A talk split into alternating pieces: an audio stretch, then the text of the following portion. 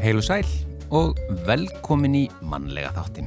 Í dag er förstu dagur og það er 7. janúar. Já, og við ætlum að byrja þáttinn eins og venjulega á því að fara yfir svona markverða viðburði þennan dag í gegnum tíðina. Og sumum finnst nógum þennan kulda sem að gengur yfir landan en árið 1709 hóst mesta kuldatímabil í Evrópu í 500 ár og stóði í þrjá mánuði. 2000 manna dóur kulda og enn fleiri úr hungri vegna uppskjörubrests um sömarið og haustið. Já, þegar við erum að tellja upp þessa viðburði dagsins, sérstaklega á þessum árstíma, þá er þetta ótrúlega mikið fréttum af kuldaveðri eða óveðri og ofsaveðri og ég veit ekki hvað og hvað. Já. Þannig að já, já, við þurfum að allan, við vitum það, við þurfum allan að raunsæja, við erum á Íslandi mm -hmm. þannig að þetta getur gerst. Eh, en þetta var allar að kuldatímbil í Evrópu þannig að það náði aðeins út fyrir landsteinana. Eh, en árið 1838 eh, kynnti Samuel Morse ritsíma sinn í fyrsta sinn ofinberlega sem sem að svo Morse kóðin er kendur við. Akkurat. Og árið 1902 var haldinn grímudansleikur í fyrsta sinn í Reykjavík og þótti góð skemmtun Já, þótti góð skemmtun, það er doldið lýsandi að örgla, eða vonandi. Já. Já, já, og örgla eitthvað flottar grímur þar. Frímúrarreglan á Íslandi var stopnuð á þessum degi árið 1919. Og árið 1923 gerðist Haldur Lagsnes meðlimur hinnar heilegu kathósku kirkju og var femdur og skýrður fullunapni Haldur Kiljan Mari Pér Lagsnes í Klervú klaustri í Luxemburg. Mhm. Mm ég bara viðkenni það ég hafði ekki heyrt um þetta Marie Pierre þarna inni áður. Nei, þetta er svolítið flott. Já, uh, Elvis Presley kom fram í þrýðas og síðasta skipti í sjómastætti Ed Sullivan á þessum degi árið 1957 og var aðeins síndur fyrir ofan mitti þar sem að mjadma reyfingar hans þóttu ósýðilegar Já. Hann kallaður Elvis the Pelvis. Já, það sem sumum finnst ósýðilegt þykir öðrum flott. Já, já, ég menna að það var nú alveg hluta því að hann var svona svakalega vinsall og, og í dag þykja þessar mjöðmarhefingar kannski ekkit, ekkit mikið mál. Ekki mjög augrandi. Nei. En árið 1990 hóf sjómasþáttur spöggstofunar 90 á stöðinni göngu sína í ríkisútarpinu. Já, það var nú laung ganga sem að reyndar var það, þetta þetta hétt ekki 90 á stöðinni, ég held með þessi 89 á stöðinni hafi líka verið til og svo var, var þetta bara spökstofan. En stöðningsmenn Donald Trump, Donald Trump, bandarækjafásta réðust á þinghúsið í Washington uh, á þessum degjarinn 2021 til að koma í veg fyrir staðfestingu á kostningasigri Joe Biden í fósettakostningunum 2020 og þessi dagur í bandaríkjónum held ég að verði bara alltaf kendur mitt við það, það er að segja þessi, þessi árás á þingi þetta sjötta janúar dæmi. Mm -hmm. Já, uh, en förstaskestur mannlega þáttanins í dag er Ólafur Þótt Harðarsson uh, á sunnudaginn þá tók hann við rittarakrossi á bestastöðum fyrir rannsóknir og þekkingamiðlun á sviði stjórnmálafræði. Og við þekkjum hann auðvitað úr ótal útsendingum í kostningasjónvarpinu þar sem að hann og og Bói Ágússon ræða og rína í allar tölur sem kom upp úr kjörkvasónum uppbóta þingmennina, flakkarana og hvað þetta allt saman heitir.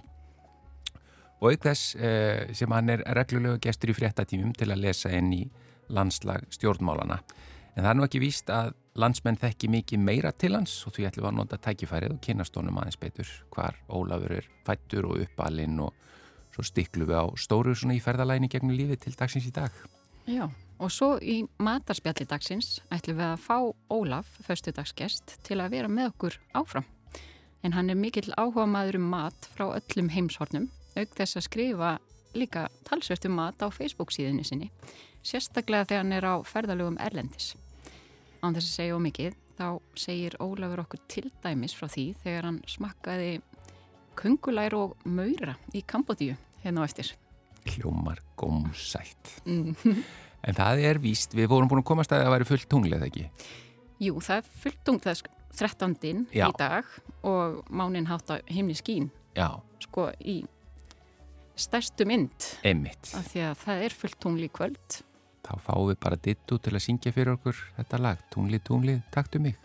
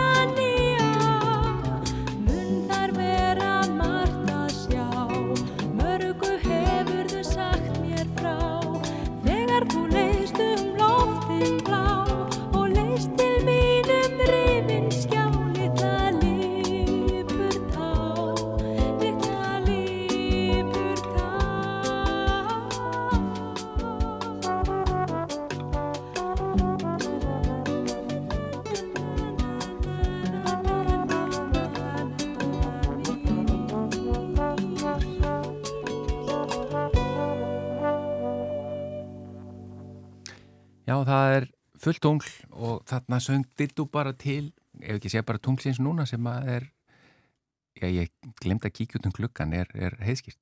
Já, það var það í morgun. Það var í morgun. Já. Tungli, tungli, taktu mig, söng hún þetta lag Stefáns S. Stefánssonar og texti Theodóru Tórótsen. En við erum komið með första skestin hingað inn, hann er ekki í stuttbuksum. Uh, því að hann er margóft spurður um það, við komum, betur, við komum aðeins betur að því á eftir en þetta er Ólaf Þórn Harðarsson, velkomin og takk fyrir að vera första skestu mannlega þáttanins í þetta sinn. Takk svo með leiðis, gaman að sjá ykkur. Og til hamingju, uh, það bara var á sunnudaginn ekki satt, þú kallaður upp á bestastæði. Já, nýjastag. Já, nýjastag, já. Jú, jú. Og Rittarakross. Já, já, við, nú höfum við Bógi Ágúrsson báður fengið uh, Rittarakross og það er strax farið að uppnefna okkur á fréttstofun og kalla okkur rittaralið fréttstofunar. Já. Kunnið þið nokkuð illa við það? Nei, við erum mjög ánaðið með það í ellinni. En það ekki. en, en hvernig var, var ekki alltaf, var ekki einhver tíma þannig að þá, þá, þá þeir eru bara nána slegni til rittar og þá ert þú árin herra? Já, hvað? já, þeir kallt, ég, ég hérna, vini mín eru farinir að gandast með og kall, segja bara Söróli. Já, já. En það var ekki í nám í Breitlandi. Já, já, já. Herra Ólafur Þórn Harðarsson. Heyrðu, en hérna, við byrjum nú yfirleitt á því að því að eins og við töluðum um í svona kynningunni að mm. að það nú á skjánum mm. og, og þar ertu bara að lesa í og rína í tölur og, og mm. pólitík -hmm. en við okkur langar að kynast þér aðeins betur. -hmm. Hvaðan ertu? Hver, hvað ertu fættur og uppalinn? Já, ég er nú fyrst og fremst happyringur, sko. Já, þú ert í FH treyju, sko. Ég er í FH treyjunni, já, já, já, og hérna, sko, ég lít svo á að ég sé gablari. Þó ég sé fættur á landsbítalunum. Já, þá ertu það ekki sangant ströngustu. Það er nefnilega þrjár skilgreiningar af því hvað er að vera gablari. Þeir sem að sjálfur eru fættir í heimahús í Hafnfyrði segja að menn þú get ekki verið gablarar nema uppbytta það skilir því. Já. Síðan þeir sem eru fættir á Solvangi Já. þar sem var lengi fæðingadeild, þeir segja að það sé nóg að vera fættur í Harmanfyrði. En móðubróður minn Kristján Bessi, hann kom með réttu skilgreiningun og gablara. Þeir eru gablarar sem eiga lögheimil í Harmanfyrði þegar þeir fæðast og það gildi bæðum mig og Bessa. Já, þessi kenning hefur enn eitthvað verið, er fólk alveg sammála henni? Nei, Alltaf, ekki, ekki hinnir, nei, nei, nei, nei, en hún er bara rétt. Já, í þínum huga. Já, nefn bara við Kristján Bessi hafum nú ekki ofta rann fyrir okkur í þau fáu skipti sem við vorum sammála. Já, hva, hvað þú, hvar bjóstu í Hafnafyrinum og hvernig var að allast upp þar? Við, ég bjó, sko, sem sé við fæðingu þá bjó ég við lækin mm. á Tjarnabrið 11 sem er merkilegt hús vegna þess að Ólafur Þotna afi minn og Ragnhildur Amma beigðu þá hús með Hallstinni Hinriksinni og Yngibjörg og hans konum. Hallstein var fadir FH og þeir kendu ja. saman í barnaskólanum í Hafnfjörðu á þeirra þeir byggðu húsið. Þannig að, að, að, að móðir mín og hennar, hennar sískinni þau eru alin upp með börnum Hallsteins. Geir Hallsteins, Geir Hallsteins í Yngvari Erni og Sullu. Þannig að sko þegar, að hérna mjög snemma þá lærði ég að FH skipti mjög miklu máli og þetta var, þetta var, það var mjög náttúrulega indislegt að vera þarna við lækin. Já. En ég var nú þarna bara til að byrja með fyrstu tvö árin því 1954 fór pappi að kenna fyrir Norðan Já. og þá, hann kendi á Hjalteyri í fjögur ár. Já. Og þar byggum við, þannig að ég segja nú líka að ég sé Hjalteyringur, sérstaklega ef ég er að hitta Akureyringa. Því þeim finnst svo merkilegt að vera frá Akureyri og ég slæði á algjörlega út af læginu með því að segja, já, það er nú ágætt að vera Akureyringur, pappi var nú ættað frá Akureyri en ég er hjaldiringur og það slæri aðeins nýrið en svo fórum við og vorum tvö ári í Ólasvík Já.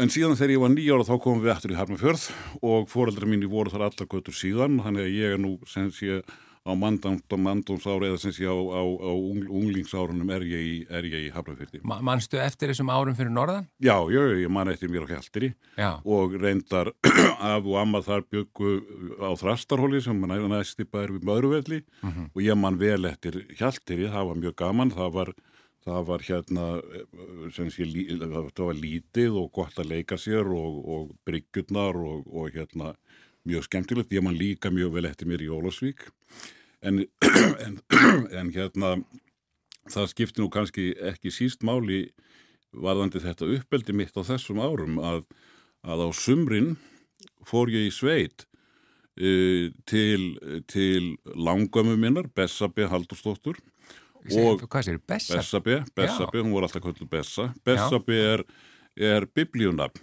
Uh, og, og hérna eiginlega ein útgáfa af Batseba já, já. Og uh, fyrir vestan sko þá skýrðum menn á þessum tíma sko gerðnan annarkvort Íslendingasögunar Játvarður, mm -hmm. Þormóður eða biblíunafnum Bessabe, síðstyrinnar hétt Abigail en ég var sem sé hjá henni og uh, afabróður mínum Guðmdinga og þeim sískinum og þar var ég í sex sumr og uh, ég var svo heppin að þegar ég kom þetta fyrst 1959 flög reyndar til flatirar með, með hérna sæflugvílni sæfaksa sem var svona katalína flugbátur og lendi bara á höfninni á, á, á, á flatiri eða við, við höfninu á flatiri Já. en þarna var ég í sex sumur og þessi sé, þau voru, þetta var mikið bókmenta og bókmentaheimili miklu framsóknar menn en Guðmundur Ingi náttúrulega skáld og þau voru mjög skáld negð öll og, og frábært íslensku fólk og sögufólk og um, e, en þau, allir hættir þarna voru mjög fornir. Mm. þannig að það var ekki komin traktor þegar ég, þegar ég, ég hérna, kom þetta fyrst. E, hann kom reyndar meðan, meðan ég var þar. En þar, þannig að það var allt, allur heiskapurinn fór í rauninni fram með uh, hestum.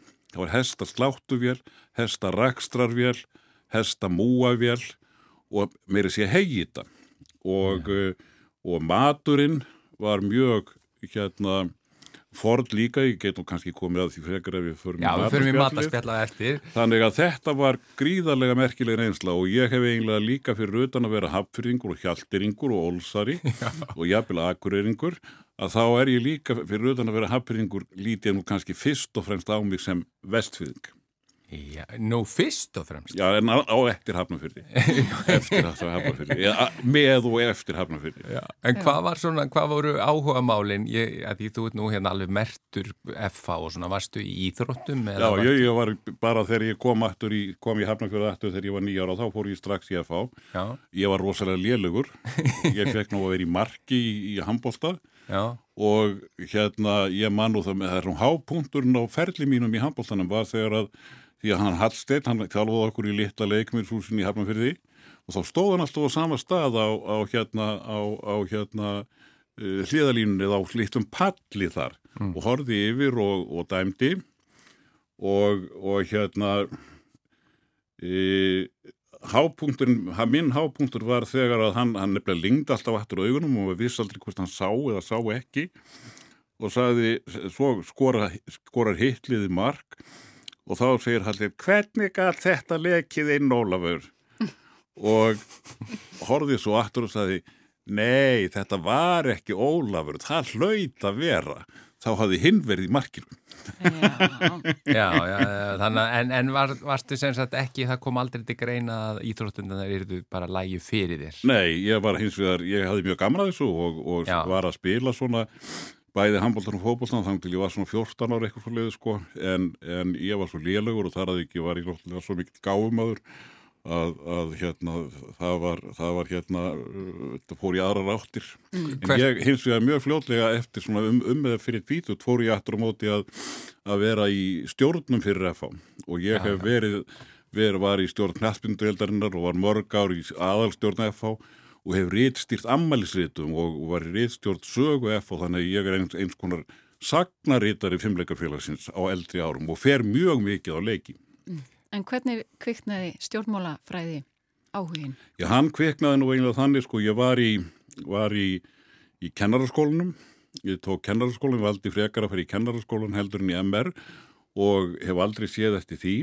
Ég sko þegar ég fór í háskóla, ég vissi að ég vildi fara eitthvað í háskóla og mínar uppáhaldsgreinar í skóla hafðu verið kannski fyrst og fremst starðfræði, saga og íslenska.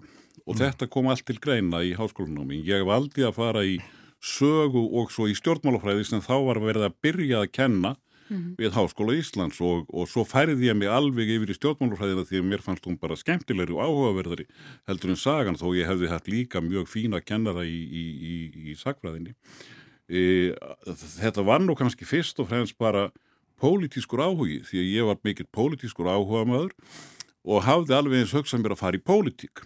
E, en hins vegar gerðist það mér fljótlega eftir að ég var byrjaður í stjórnmálsræðinni að ég misti allan áhuga á aktífri pólitík því að mér fannst miklu meira heillandi að reyna bara að skilja mm. og lesa í lesa í um af hverju eru stjórnmálun eins og þau eru mm -hmm. og, og, og hérna það bara ágerðist og ég tala nú ekki um eftir að ég, eftir að, hérna, ég fór að kenna sko þá, þá hætti ég með þess að ég hafði nú haldið náttúrulega með einum flokki í, í alþýðuflokknum í, í svona fyrir tvítökt en sko í, núna í áratögi hef ég ekki haldið með neinum stjórnmálaflokki held bara með FH og er reyndar, svo er ég reyndar líka sagður, er ég nú uppnefndur vinur fjórflokksins. Af því að, af því að hérna mér þóttir svo væntum, væntum alla flokka og það er nú oft sagt að sko fræðimenn þeir fá ást á viðfangsefnum sínum.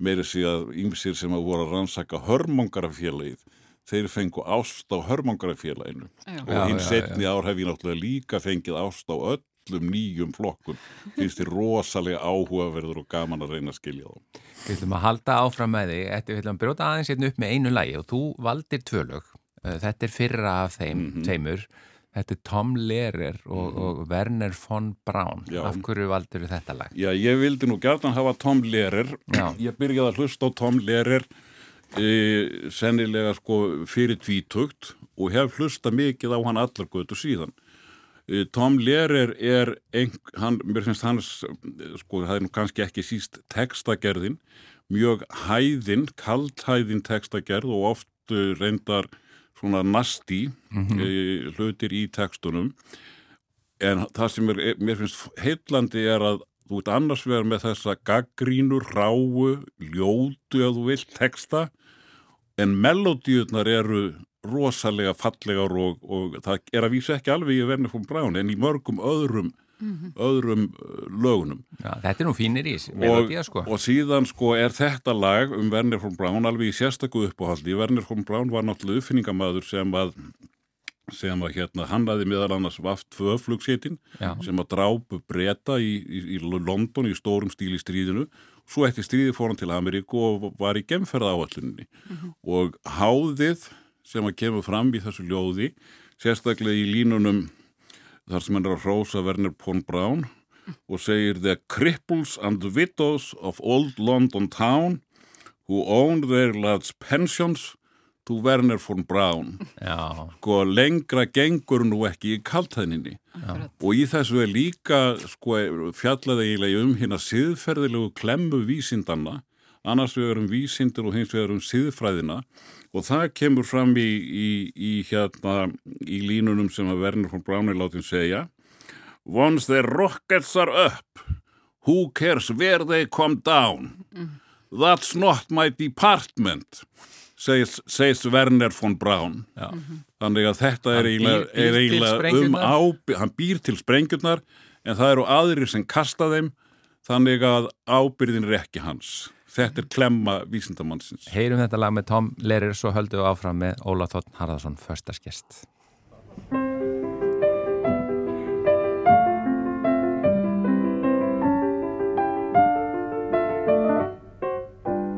Gather round while I sing you of Werner von Braun, a man whose allegiance is ruled by expedience.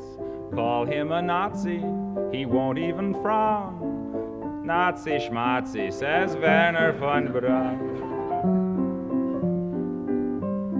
Don't say that he's hypocritical, say rather that he's apolitical. Once the rockets are up, who cares where they come down? That's not my department, says Werner von Braun.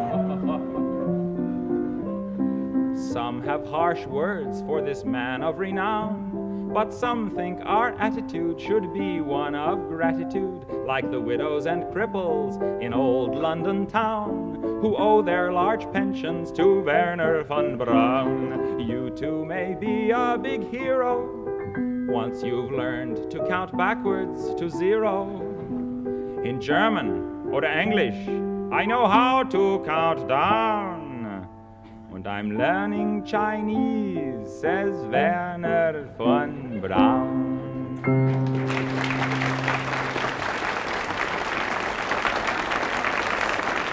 Já, já, já, þetta var Tom Lehrer og, og Werner von Braun sem var óskalag förstudagsgestsins okkar eh, Ólafs Þotts Harðarssonar Þotts, segi á maður ekki að beigja Þott Það er mjög göfut að beigja Þott ég hef vísu aldrei heilt það áður. Nei. en ég mun gera það æfinlega eftir, hér eftir. Já, fló, ég færi þér það sem gjöf.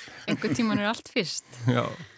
Við vorum komin í, sko, þú varst komin inn í stjórnmálafræðina og þarna hún greip þig Já, hún greip mig algjörlega og ég laug þar bíaprófinu 1977 og þá fór ég í framhalsnám til Lunduna uh, og namn við uh, London School of Economics and Political Science og kláraði þar mistarpróf og uh, byrjaði í doktorsnámi, hann var nú þá fljóðlega kallaður heim til að kenna þannig að það dróst að klára doktorsleikgeðina svífriðilega lengi en uh, hún kom nú fyrir resko þannig að, að ég er bæði með meistara próf, vísindamestari, það heitir nefnilega Master of Science mhm. en ekki Master of Arts eins og það er nú oft í stjórnmálufræðinni Vísindamestari hljóma nú mjög vel. Finnst það ekki? Vísindamestari það er ég, er bæði vísindamestari og doktor og rittari. Og rittari, hvað vil ég meira?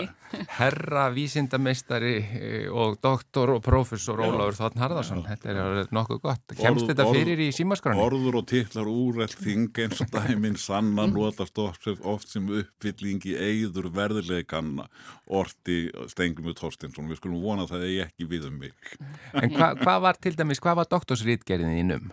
Hún heitir Partisan Voters in Iceland og hún er í rauninni sko fyrst, ég gerði fyrstu kostningakannanirnar það er að segja að spurja kjósendur um flokka og málefni og eitthvað þess að þar og og uh, þetta var sem sé fyrsta kostningaransóknin og síðan hafa þær verið gerðar all, í öllum alþingiskostningum síðan. Það eru 16 eða hvað? Eitthvað fjöld, ég hef ekki töl á þeim. og það er, það er hérna uh, og það er í rauninni sko stæsta gagnarsafn í íslenskum félagsvísindum sem að, sem að enn hefur verið gert. Mm -hmm. en þetta var sem sé fyrsta konunin og hann vann, þetta var aðstofamæður minn og hann hannaði þetta með mér upp af kollega minn síðar og vinnur Gunnar Helgi Kristinsson mm. e, en, en þetta var, sem sé, doktorstritgerðin var um byggð á, á þessari konun og reynda líka á konun nummið 2 sem var 1987 ég notaði þessi konun til þess að greina þau í doktorstritgerðinni og þetta er í rauninni fyrsta svona heillega greiningin á flokkum og kjósendum, hegðum, hegðum kjósenda og tengstum kjósenda við stjórnmálaflokkana sem gerð var á Íslandi. Mm. En rannsóknir af þessu tægi eru nú gerðar nánast í, í, í hérna, flestum líðræðisríkjum að minnst að kosti í vestur-Európum. Já, og þetta í allan þennan tíma þá er þetta orðin svo áhugaverið samanbyrður. Það, það er líkil atriði að, að nefnilega ímsir aftur sig ekki á því að það getur verið sko að hluta til erum við að spurja sömu spurningana, við erum enn að spurja að hluta til sömu spurningana og við spurðum 1983 mm -hmm. og menn segja hvað eru þið ekki búin að hóða svör við þessu en mm -hmm. það sem er áhugavert er að skoða breytingar Einmitt. En eru einhverja spurningar sem að eh, voru í, til, til að byrja með sem að bara ganga ekkit upp í dag bara sögum breyta tíma. Já, það er, það, það er nú, já, það er aðalega þó vegna, vegna þess að hafa farið út spurningar vegna þess að einhver mál hafa farið út úr umræðunni og önnur komin í, komin í staðin, sko. Já. En grundvallar spurningar eins og hvort þú hafið áhuga á stjórnmálum, hvort þú treystir stjórnmálumannum og fleiri þeim dúrnum, það höfum við haft í, í öllum, öllum konunum. En svona í enduliti, hvaða enginandi breytingar hafa orðið? Til dæmis eins og líðhyggjan eða populismi, er það? Já, sko, merkilegustu breytingarna sem við getum séð á þessu er í rauninni þær breytingar á kjósendunum að, þeir, að, að, að trygg þeirra við stjórnmálaflokkana hefur minga mjög mikið Já. og þeir eru miklu gjarnari á að skiptum flokka mitt kostninga heldur en þeir voru áður. Það eru grundvallar breytingar. Mm. Hvena fer það að breytast? Fer Já, það að breytast þegar að koma er, fleiri flokkar en fjórir? Það er reyndar byrjað að breytast sko hérna örglega strax 1983 Já. og árin þar á ettir þannig að við sjáum í rauninni sko þessa þróun alveg síðan, það vísu ekki alveg línulega en svona tölvert í þá áttina Já. og þessu fylgir svo sérstaklega eftir hröðun e, fjölgun flokka. Þannig að, að sko það verður á þessum tíma í rauninni svo grundvallabreiting að við förum úr fjórflokkakerfi þar sem að gömlu fjóri flokkatir voru og reyndar eftir 71 gerðnan einn 50 flokkur en það var aldrei sami flokkur neynlega því að þeir livðu svo stutt bara í eitt, tvo kjörtímabil nema kvennalistin livði svo í fjögur mm. en sem sé eftir hrunið fjölgar flokkunum svo í, í sjö og átta og hefðu getað og munaði litlaðir yfir nýju síðast og í rauninni þegar þú ert komin með áttaflokkakerfi í staði fyrir fjögraflokkakerfi að þá breytist dýnamikinn svo rosalega mikið.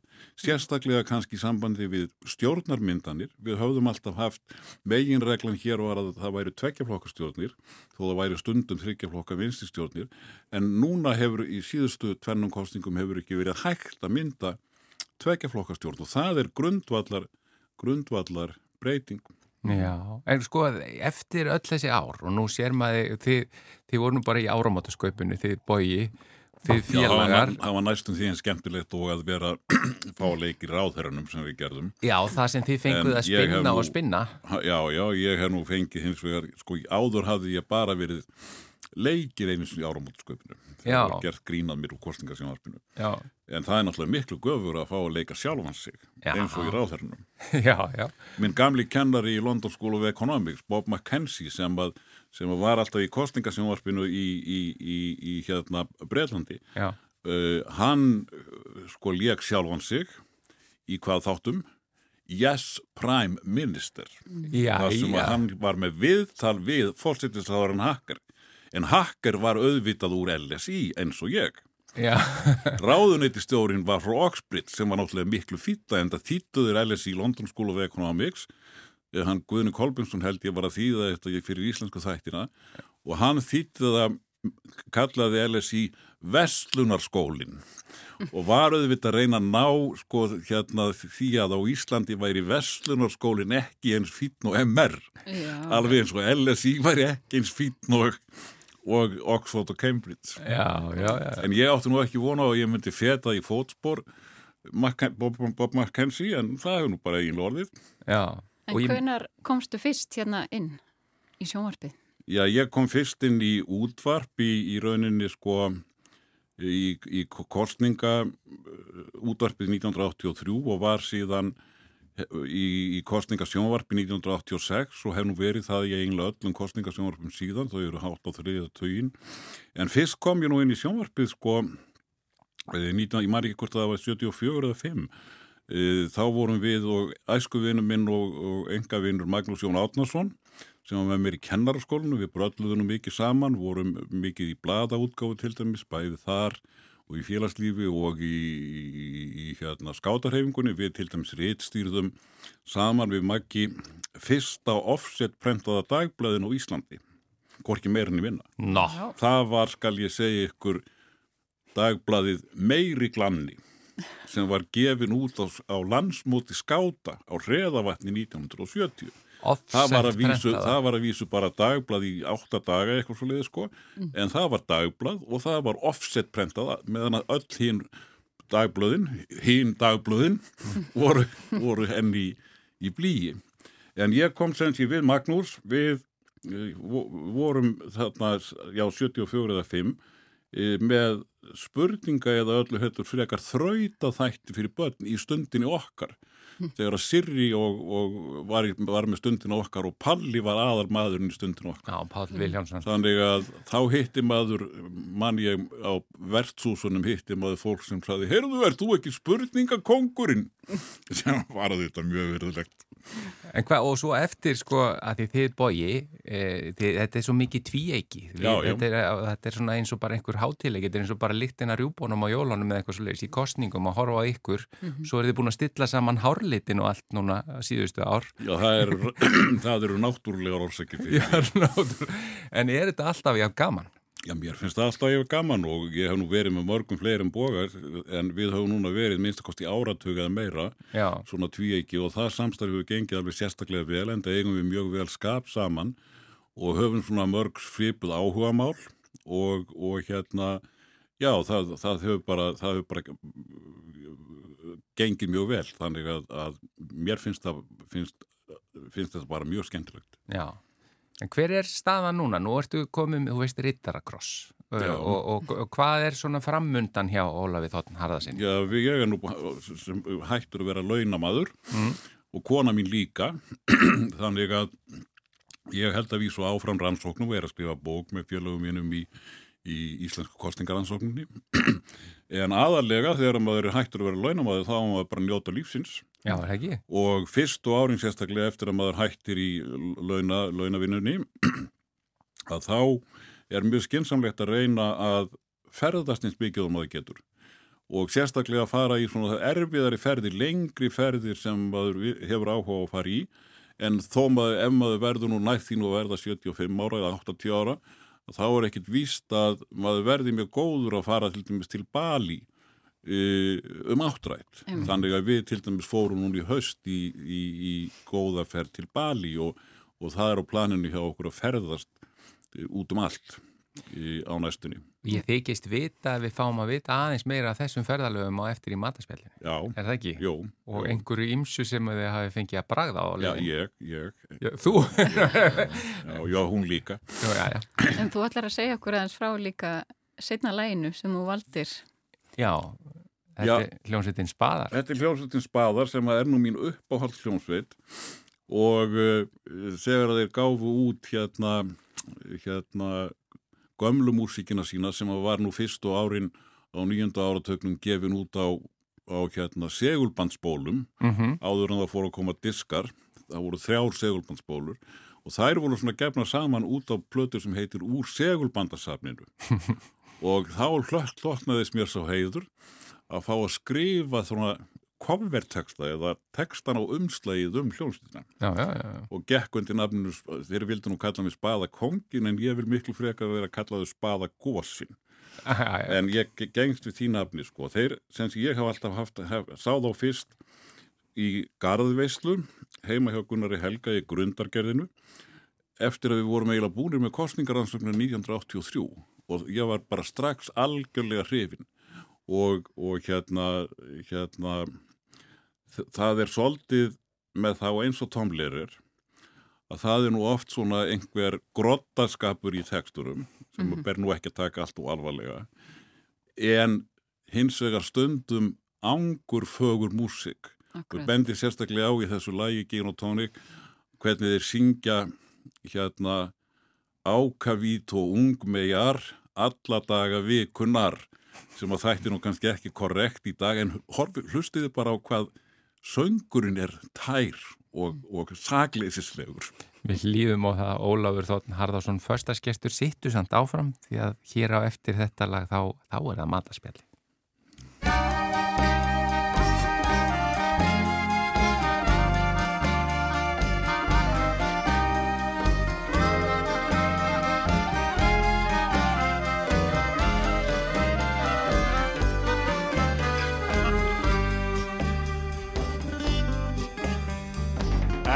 Þjáist af þurrk í munni þramaðu inn á næsta bar.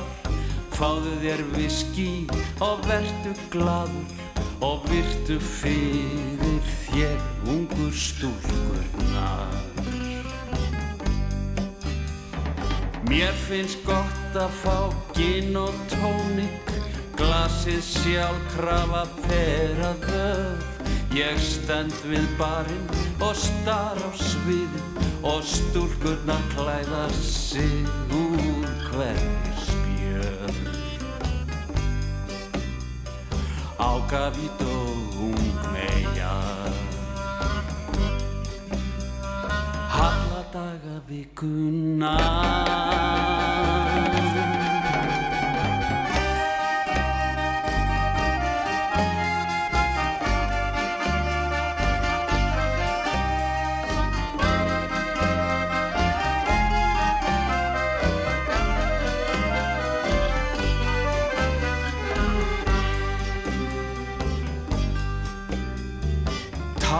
Stúlka til mín kemur tekur sér sæti mér við hlið. Við kampavín drekkum í stríðum ströymum og streki tökum beint út á dansgólfið. Við dansum saman í trilltum tango Ég tekum mittið þéttings fast Síðan fer vínið að svífa á mig Og í samanum fer allt að ringsnúast Ágafít og ungmejan Alla daga vikuna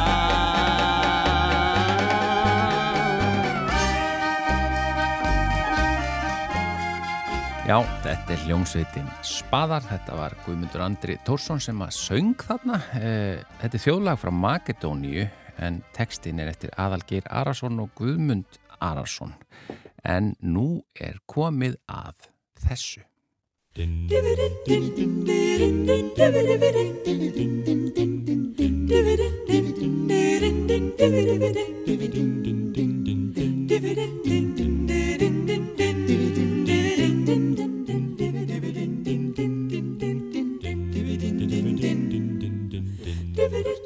Já, þetta stef þekkja glöggir hlustendur og hingað er komin Sigurlega Margret Jónasdóttur, hún hefur bæst í hópin því að Ólafur Þóttn Harðarsson förstaskestur situr hér sem fastast. Mm -hmm. Gjör þið svo vel, Sigurlega. Þakkaði fyrir Kjell, okkur dættur ekki í huga sleppunum þó var ekki nema bara til þess að fá að vita hvernig kongular smakast Já, þær eru nú bara, skal ég segja þér, það er nú hámarkið á minni, minni hérna matar, uh, ra- ma- á matarrannsóknum mínum og frú Hjördís, þegar ég sagði henni að ég ætlaði að segja frá þessu í útvarpinu þá sagði hann, ekki ekki gera það, það er svo opbóðslega ógislegt. en ég náttúrulega held mig samt við það, það við vorum í Kambótsíu Já, fyrir nokkrum árum og þar var, sem sé, það er reyndar í, í Indokína, í Kambótsíu, Laos og Vietnam, er reyndar besti matur sem ég hef fengið bara á jarðkringlunni. Já. E, en þar var meðal annars hægt að fá kongulær og maura, maurastöppu og krókudílakjöt.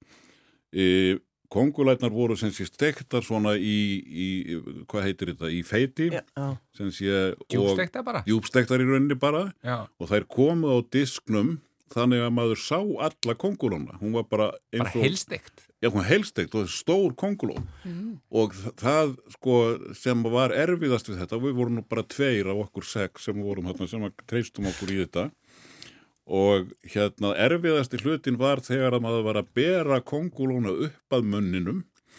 Eh, erfiði hlutin er sem sé að maður sér hana. Maður horf, Með- horfist í augu maður horfist í augu við hana og svo stingur maður henni upp í sig. Já, og þá náttúrulega er skelvingin búin en bragðið er satt að segja ná eins og maurarnir og krokodílakjötið að þetta er voðalega bragðið lítið já, No. það er að segja að þetta er í rauninni svolítið eins og kjúklingakjöt kannski eða eitthvað svona ekki mjög Kongulóin. kongulóin, mjög, ekki mjög spennandi skilur þetta enda náttúrulega erum en að spá því að, að hérna að skortýr verði aðal fæðamanna áður mjög langt um líður vegna Já, þess að það að það er svo mikið prótín í mig, er það ekki? jú, jú, jú en þetta er ekki, þetta er, þetta er gaman að hafa gert þetta en þetta er ekki spennandi, þetta er ekki bræðmikill eða góður matur En sko, sko. mér finnst eiginlega verra samt þú segir sko stöpp, með stöppuna? Já, Maura maura stappa, þú Maura stappa, það, þeir maurarnir voru svona í stöppu. Já, við, mér finnst það eiginlega ókesslega heldur en Já, ekki- konguló Já, maður fekk ekki á, það er, það er náttúrulega ekki eins flottir eins, Nei, eins og kongulóin en hefur alltaf verið þannig einhvern veginn að þú hefur sko prófað allan mat einhvern veginn? Já, eiginlega, það er, ég, og ég er reyndar, hef það fram við þig Silla, að mér finnst eiginlega allur matur góður. Til dæmis er ég rosalega mikið fyrir þjóðlegan mat, hákarl og, og, og, hérna, og, og þess áttur hluti, ég til dæmis get, um það geti nú nefnt sko að, að því ég var nú að tala um sveitina hérna, sko, það Þú varst að frá öllum þessum stöðum. að, að hérna upp, þar fekk ég á hverjum mótni í, í sexumur nöðstekkan havragröð með eldsúru slátri súra slátri var þannig sko það, það hafði náttúrulega verið sett í eigartunnu haustið áður. Já, já, þannig að það var búið að vera 9, 10, 11 mánuði. Ofan í kallara væntanlega ofan í kjallara. Kalda kjallaranum og, og, hérna, og, og mér fannst þetta algjört lostæti. En síðan fannst mér alltaf havragrauturinn hjá móðu minni vondur og ég skildi ekkit í þessu fyrir en að ég fór að gera sjálfur tilrönni með háragröð þegar ég voru á þeim fullorðin og kenning mín núna er svo að ástæðan fyrir því að mér fannst grauturinn hjá móðu minni svona vondur var að hún setti á mikið salt í hann. Já, Já, Þannig að þegar ég fór að gera hann sjálfur þá uppgötaði ég að ég vildi helst ekkert salt í háragröðin bara eins og hann kom á skeppninni. Setur þú slátur eða hérna livrapilsu úti? Ég geri það ef ég næði, það er bara svo erfitt að fá almennlega súrt slátur eða livrapilsu nútildags, þetta er það, það Þetta er að hverfa, þetta, Já, þetta er, já það, en það er bara ekki nægilega vel sírt sko. Nei, nei. Já, þú vilt hafa það þannig að þú fá bara eiginlega tár í augun og, og Ég fæ ekki tár í augun, En en er ég náttúrulega líka reyndar, hef ég dálæti á skosku útgáfunni af livrapilsu, það er að segja haggis. Haggis. Haggisið. Já. Ég nefnilega var, ég hef vís aldrei búið í Skotlandi en, en vini mínir nokkur voru í Edinborg og ég, var, ég fekk að koma á Burns Upper í Edinborgafélagin og þar var haggis sem að er eiginlega alveg eins og liðrapilsa og þá uppgötaði ég og svo var það etið og með var drukkið ekki rauðvín heldur skost viski að sjálfsögðu. E, Og, og nappi svo takki En þar ekki? uppgötaði ég nefnilega að, að sko þeim fannst eiginlega öllum sem höfðu verið í skólandi, þeim fannst haggið sér vond eða minnst okkur tekið sérstaklega gott. Þeir komu þarna bara til að, til að fagna sinni göm, gömlu verður ég kom þanga bara til að borða haggis. Já. Sem mér fannst gott og það var verið sér upp og þegar þetta var búið og ég man að ég keifti byrðir af haggis Mér finnst það haggið sér betra en slátrið Já, sko, af því við höfum oft talað um þetta í það, sko. Já. það er mjög- kryddað, það er Já, mjög skemmtilegt miklu Já, mjög- meira. mjög skemmtilegt, já, Já, og með hérna róanum og kartöflunum, nappis og já, Já, já. já. Já, já. En þegar þú, að því þið uh, ferðist náttúrulega mikið, þú Já, og, já. og þín frú já, já. og, og prófið auðvitað alls konar mat, því það er náttúrulega kannski partur af því bara að upplifa, maður verður að gera það. það er miklu skemmtilega með Já. skosti Já. Maður er ekki að byggja um hambúrgaramur á Indlandi eða eitthvað slíkt. Nei, nei, ekki að maður hefur góðan smekk eins og viðsýla minn. En til dæmis sko, eins og þú nefndir sko, þú ert alveg uppið þetta að fá hafragrautin og súra Já, já, slátrið, já, en svona maturinn sko bara heima hjá fóröldur þínum. Já, hvað hann, var, hvað hann var var nú ekki alveg svona ford sko, en hann var nú bara svona hefbundin sko. Það var, það var hérna, uh, sko, náttúrulega fiskur oft í viku og uh, sem mér fannst ágætur, það var reyndar þar, sko, mamma, ég var, eins og ég var að segja á þann, ég var fyrir vestanisveit, mamma hefði verið fyrir vestanisveit, pappi var að norðan, þannig að, sko, mamma vildi mörflott eða jú. Og pappi vildi hamsatólk eins og, eða, eða hérna sem eins og var fyrir norðan. Og lausnin eins og alltaf í minni fjölskyldu það voru fundar góðar lausnir. Og lausnin var svo að vera bæði með hamsatólk og mörflót með, með hérna matnum. Og við vorum nú sjö sískininn þannig að, að það var mjög fljóðlega þannig að ég og mamma og hinn sem höfðu verið í sveit fyrir vestan við fengum mörflótið Já. En þau sem höfðu verið fyrir norðan og pappi þau fengu hamsatólkina. Og þetta reyndar, ég vil enn mörflótið með, með, hérna, með skötunni. Já, já, já, já. en, en hins vegar verði ég að játa hamsatólkinu líka mjög góð. Þetta er svona en þetta var mjög Já. hef, hefðbundin uppáhald. þar fekk maður meðlans líka maður fekk stundum skötu, ekki kæstarskötu heldur bara, bara sko, skötu eins og hún kemur Mm. úr sjónum. Og hún er reyndar príðileg, hún er náttúrulega alltaf öðruvísi heldur en kæstarskatan Já, mér finnst það góð, svona, já, var það ekki? Jú, jú. Já, já, já, svo létt steikt og svona mjög, já, komur óvart. Já, já, já, já, fýtt fiskur. Já, já. En uppáhaldi mitt í þessu var, var það sem ég hef nú engt ef hann heyrt að það er ekki allra hér í þessum þætti. það er brauðsúpa. Já, ó, við, Brauðsúpa Já, með já. rjóma. Það var, Ég, ég var sopnaði smá með þau voru að tala um skötuna sko og svo. Já, Já, loknar- það bara gekk mér Gunnar því svo langt að þegar ég, þegar ég var hérna, við vorum tíma með skrifstofur, áður en við fluttum í Otta í háskólinu og vorum með skrifstofunir í miðbæ í- á skólabrú. Mhm. Þar var reyndar indislegt að fara á mensum. já, og fá heitt súkkulaði og eitthvað meðlæti. En þá fór ég stundum á þeim árum í hús, í matstofu náttúrulækningafélagsins vegna þess að þar var hægt að fá